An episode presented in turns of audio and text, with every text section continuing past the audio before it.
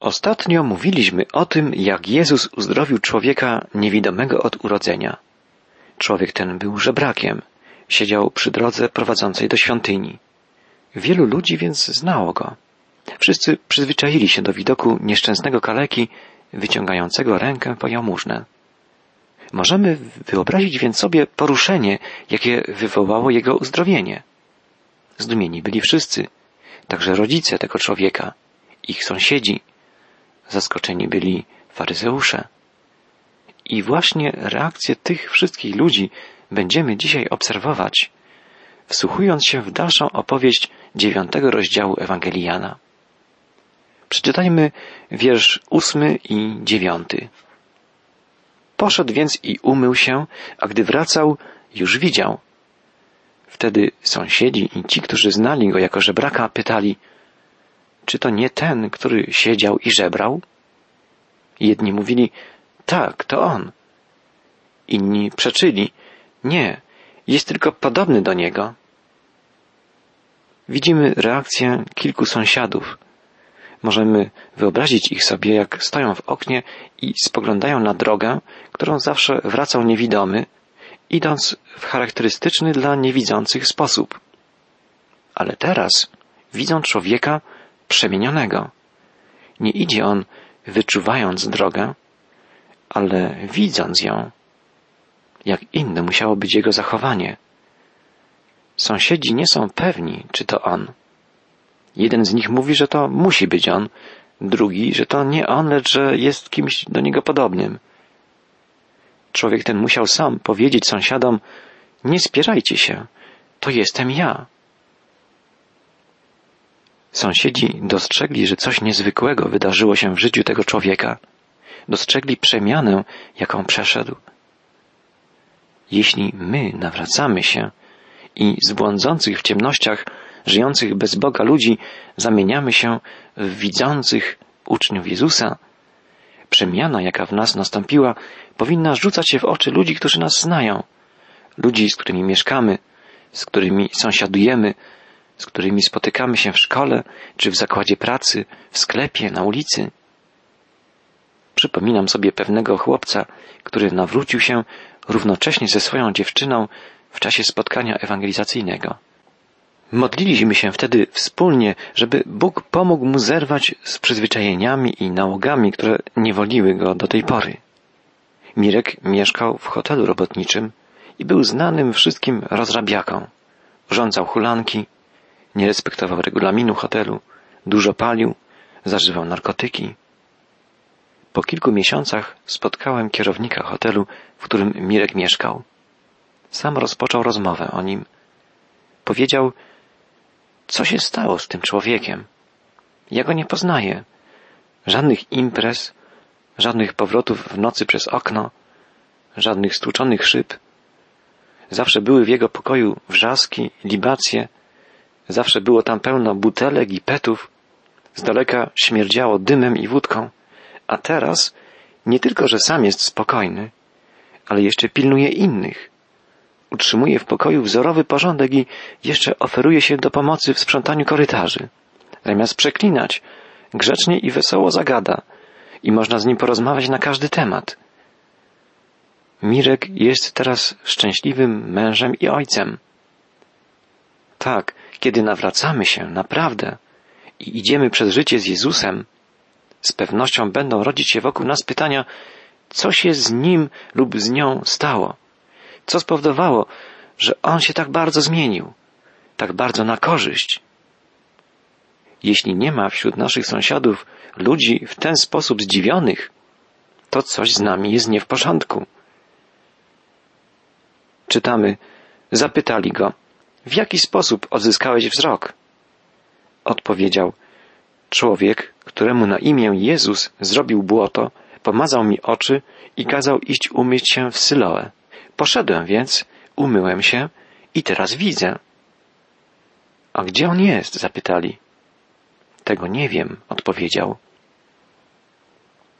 Zwróćmy uwagę na świadectwo tego człowieka. Mówi tylko to, co wie, krótko, szczerze, zgodnie z prawdą. Mówi o tym, czego doświadczył. nie koloryzuje, nie dramatyzuje swoich przeżyć. Nawrócenie zawsze jest po prostu przyjściem do Jezusa i doświadczeniem Bożej uzdrawiającej mocy. Pomyślmy, ten człowiek nawet nie widział Jezusa. Jezus nałożył błoto na jego oczy i posłał go do sadzawki o nazwie Syloe, czyli posłany. Dopiero po obmyciu się odzyskał wzrok. Kiedy wrócił, Jezusa już nie było. Nie jest ważne to, by zobaczyć Jezusa, ale by w Niego uwierzyć i by Mu zaufać.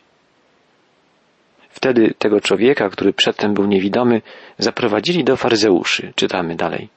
A był to dzień sabatu, kiedy Jezus użył błota, aby uleczyć mu oczy. Z kolei faryzeusze pytali, w jaki sposób odzyskał wzrok. Odpowiedział im, nałożył mi błota, umyłem się i teraz widzę. Uzdrowiony staje przed faryzeuszami. Znów bardzo prosto i rzeczowo świadczy o tym, co się wydarzyło. Mogłoby się nam wydawać, że ci głęboko religijni ludzie rozradują się, kiedy zobaczą człowieka, który urodził się jako niewidomy, a teraz widzi. Może usłyszymy radosną pieśń Alleluja, chwała Bogu. Nic podobnego. Ci zimnokrwiści urzędnicy religijni są zakłopotani. Nie wiedzą, co zrobić z człowiekiem, który urodził się jako niewidomy, a teraz stoi tu przed nimi i widzi. Wówczas niektórzy faryzeusze mówili, nie może pochodzić od Boga człowiek, który nie przestrzega sabatu. A inni pytali, czy grzeszny człowiek może dokonywać takich cudów? I doszło między nimi do rozłamu. Faryzeusze byli ludźmi inteligentnymi, wykształconymi. Znali nie tylko prawo mojżeszowe, ale i filozofię Greków i zasady logiki. Potrafili przeprowadzić dowód logiczny i udowodnić, że jeśli sformułuje się dwa prawdziwe założenia, to w efekcie musi się uzyskać prawdziwą konkluzję. Założyli więc, co następuje. Po pierwsze, wszyscy Boży ludzie przestrzegają sabatu. Po drugie, Jezus nie przestrzega sabatu. Wniosek? Jezus nie przychodzi od Boga. Problem w tym, że obie ich przesłanki były błędne. Nie mogli więc sformułować prawdziwego wniosku. Nieprawda, że wszyscy Boży ludzie przestrzegają sabatu i nieprawda, że Jezus go nie przestrzega. Jezus nie przestrzegał dodatkowych przepisów sabatu wymyślonych przez faryzeuszów. Natomiast był z pewnością jedynym człowiekiem, który był w stanie zrozumieć i przestrzegać sabat w najgłębszej jego warstwie, bo w pełni znał wolę Ojca i żył jako bezgrzeszny człowiek tak, jak tego Bóg Ojciec oczekiwał. Nie wszyscy faryzeusze myśleli jednak tak samo. Byli wśród nich tacy, którzy rozumowali następująco. Po pierwsze, tylko Boży ludzie mogą otworzyć oczy człowieka niewidomego od urodzenia. Po drugie, Jezus otworzył oczy niewidomego od urodzenia. Wniosek? Jezus pochodzi od Boga. Tutaj obie przesłanki i wniosek są prawdziwe. Pojawił się problem. Wśród faryzeuszów powstało rozdwojenie. Jeszcze raz zwrócili się do niewidomego. A co ty myślisz o tym, który przywrócił ci wzrok? Że jest prorokiem, odpowiedział. Żydzi jednak nie uwierzyli, że on był niewidomy i że odzyskał wzrok, dopóki nie wezwali jego rodziców. Argumenty faryzeuszów i ich dyskusja naprowadziły uzdrowionego niewidomego na pewną myśl. Skoro grzeszny człowiek nie może dokonywać takich znaków, jak mówią sami faryzeusze, to Jezus musi być człowiekiem niezwykłym. To prorok, odpowiada więc całkiem logicznie ów prosty człowiek, kiedy faryzeusze pytają go ponownie o jego zdanie o Jezusie. Jezus musi być prorokiem, czyli kimś, kto przychodzi od Boga. Faryzeusze nie mogli jednak zaakceptować takiej tezy. Dochodzi do tego, że poddają wątpliwość to, że był on kiedyś niewidomy. Przywołali więc jego rodziców. Czytamy. Zapytali, czy to wasz syn? Czy potwierdzacie, że urodził się niewidomy? Jak to się stało, że teraz widzi? Rodzice odpowiedzieli, tak, to nasz syn i urodził się niewidomy. Ale jak to się stało, że teraz widzi, nie wiemy. Nie wiemy też, kto przywrócił mu wzrok. Jego zapytajcie, jest pełnoletni. Niech sam odpowie. Rodzice jego odpowiedzieli tak, bo bali się Żydów, którzy już przedtem postanowili wyłączyć z synagogi każdego, kto uzna Jezusa za Mesjasza.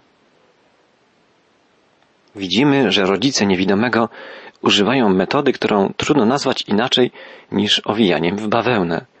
Boją się, że faryzeusze wykluczą ich synagogi. Formułują więc mętny wywód, żeby nie powiedzieć nic, co mogłoby posłużyć faryzeuszom do oskarżenia ich o herezję.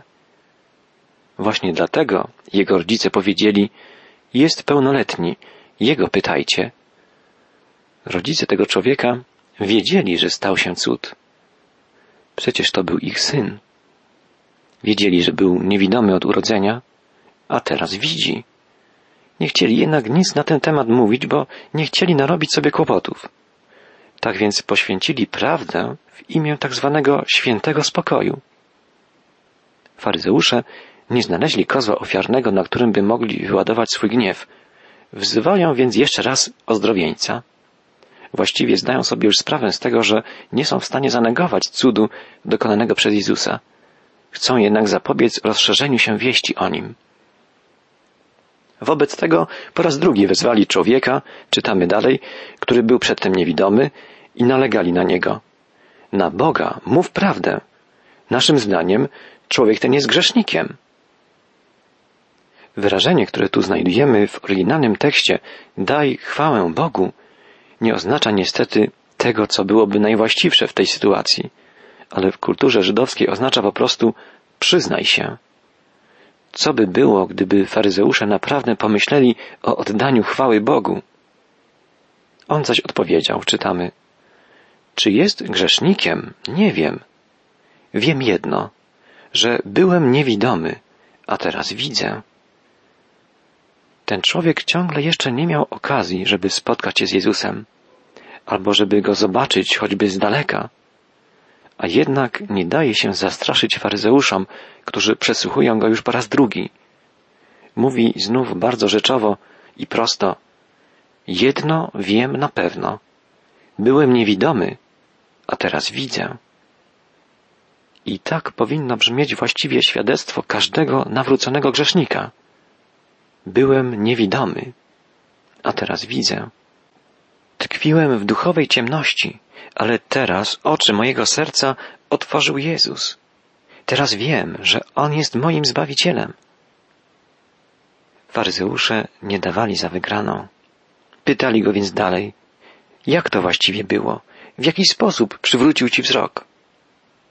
Faryzeusze nie mogą tak po prostu przyjąć świadectwa tego człowieka.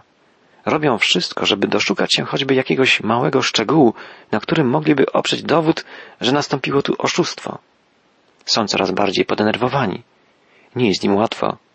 Trudno zaprzeczać, że stał się cud, kiedy dowód rzeczowy stoi przed nimi i jest to człowiek, który od urodzenia był niewidomy, a teraz widzi. Uzdrowiony też jest już trochę poirytowany tymi ciągłymi przesłuchaniami i pytaniami. Czytamy, Odpowiedział im, Przecież wam już powiedziałem, nie słyszeliście? Chcecie to jeszcze raz słyszeć? A może chcecie zostać jego uczniami? Odpowiedzieli mu ze złością, Ty sam chyba jesteś jego uczniem, bo my jesteśmy uczniami Mojżesza. Wydaje się, że ten prosty człowiek zaczyna rozumieć, że faryzeusze chcą w pokrętny sposób zatuszować całą sprawę i to zaczyna go już irytować. Pyta, czy wy w ogóle słuchaliście, co wam mówiłem? Czy mam to samo powtarzać w kółko? Rzeczywiście, faryzeusze właściwie nie słuchają tego człowieka. Są nie tylko duchowo ślepi, bo nie dostrzegają w Jezusie Mesjasza, ale są też i głusi, bo nie chcą o nim słuchać. Mówią, że są uczniami Mojżesza, o Mojżeszu wiemy, że sam Bóg do niego przemawiał. O Jezusie nie wiemy nawet skąd pochodzi. To dziwne, że nie wiecie skąd on pochodzi. On przywrócił mi wzrok. odpowiedział ten człowiek. Przecież każdy wie, że Bóg nie spełnia próśb grzeszników, ale prośby tych, którzy go czczą i postępują zgodnie z Jego wolą. Jak świat światem nie słyszano, aby ktoś przywrócił wzrok niewidomemu od urodzenia. Gdyby on nie pochodził od Boga, nic by tu nie mógł poradzić. Odpowiedzieli mu, Ty przeklęty grzeszniku, nas chcesz pouczać? Dzieje się coś zdumiewającego. Ten prosty człowiek przeprowadza logiczny dowód, że Jezus musi przychodzić od Boga. Skoro czyni dzieła, których dokonują tylko Boży ludzie, jedynym wnioskiem jest, że przychodzi od Boga. Być może uzdrowiony żebrak tak logicznego rozumowania nauczył się w trakcie tej rozmowy. Pokonał faryzeuszy ich własną bronią. Przysłuchiwał się ich argumentacji i wyciągnął prawidłowe wnioski.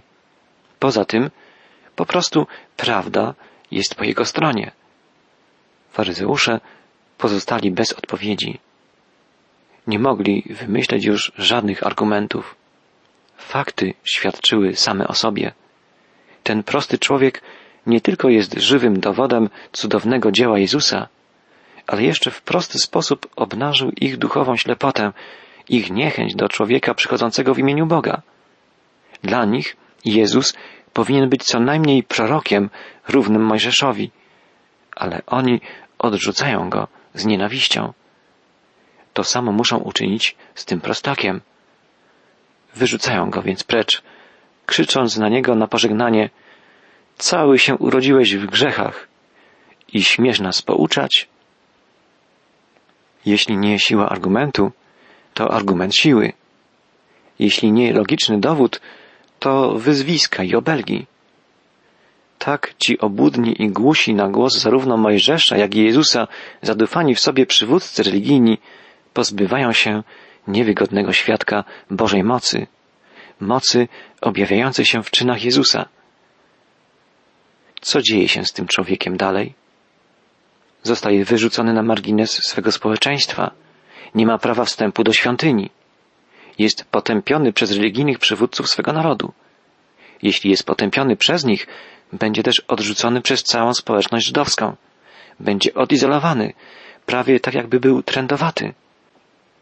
Ale jest przecież Jezus. Czytamy dalej w końcowych wierszach dziewiątego rozdziału. Wyrzucili go. Jezus dowiedział się o tym i gdy go odnalazł, zapytał, czy wierzysz w Syna Człowieczego? Odpowiedział na to, a kto to jest, Panie, że mam w Niego uwierzyć? Właśnie Go widzisz, powiedział Jezus. Rozmawia z Tobą. Wtedy zawołał, wierzę, Panie. I nisko mu się pokłonił. Ten prosty człowiek po raz pierwszy widzi Jezusa. Odtrącony przez przywódców religijnych z tego powodu, że bronił Jezusa, bo dostrzegł w nim Bożego posłańca, teraz rozmawia z Mesjaszem. Jezus wie, że ten prostolinijny, szczery człowiek jest już gotowy, by przyjąć dar zbawienia, by przejrzeć w pełni, nie tylko fizycznie, ale i duchowo.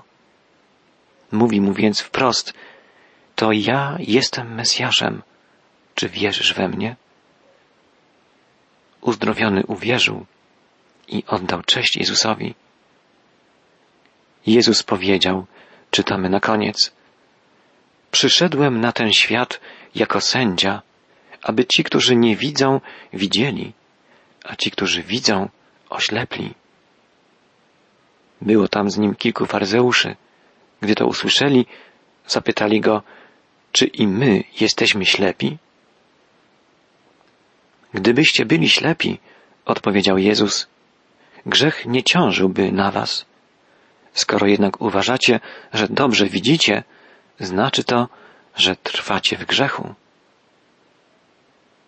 Być duchowo ślepym to coś o wiele poważniejszego, groźniejszego i gorszego niż być człowiekiem niewidomym w sensie fizycznym. Może nam się wydawać, tak jak faryzeuszom, że widzimy. Ale jeśli Jezus nie jest naszym światłem, tak naprawdę błądzimy w ciemnościach. Tylko On może sprawić, że przejrzymy duchowo. Tylko On może powiedzieć, ja jestem światłością świata. Kto idzie za mną, nie będzie chodził w ciemności, lecz będzie miał światło życia.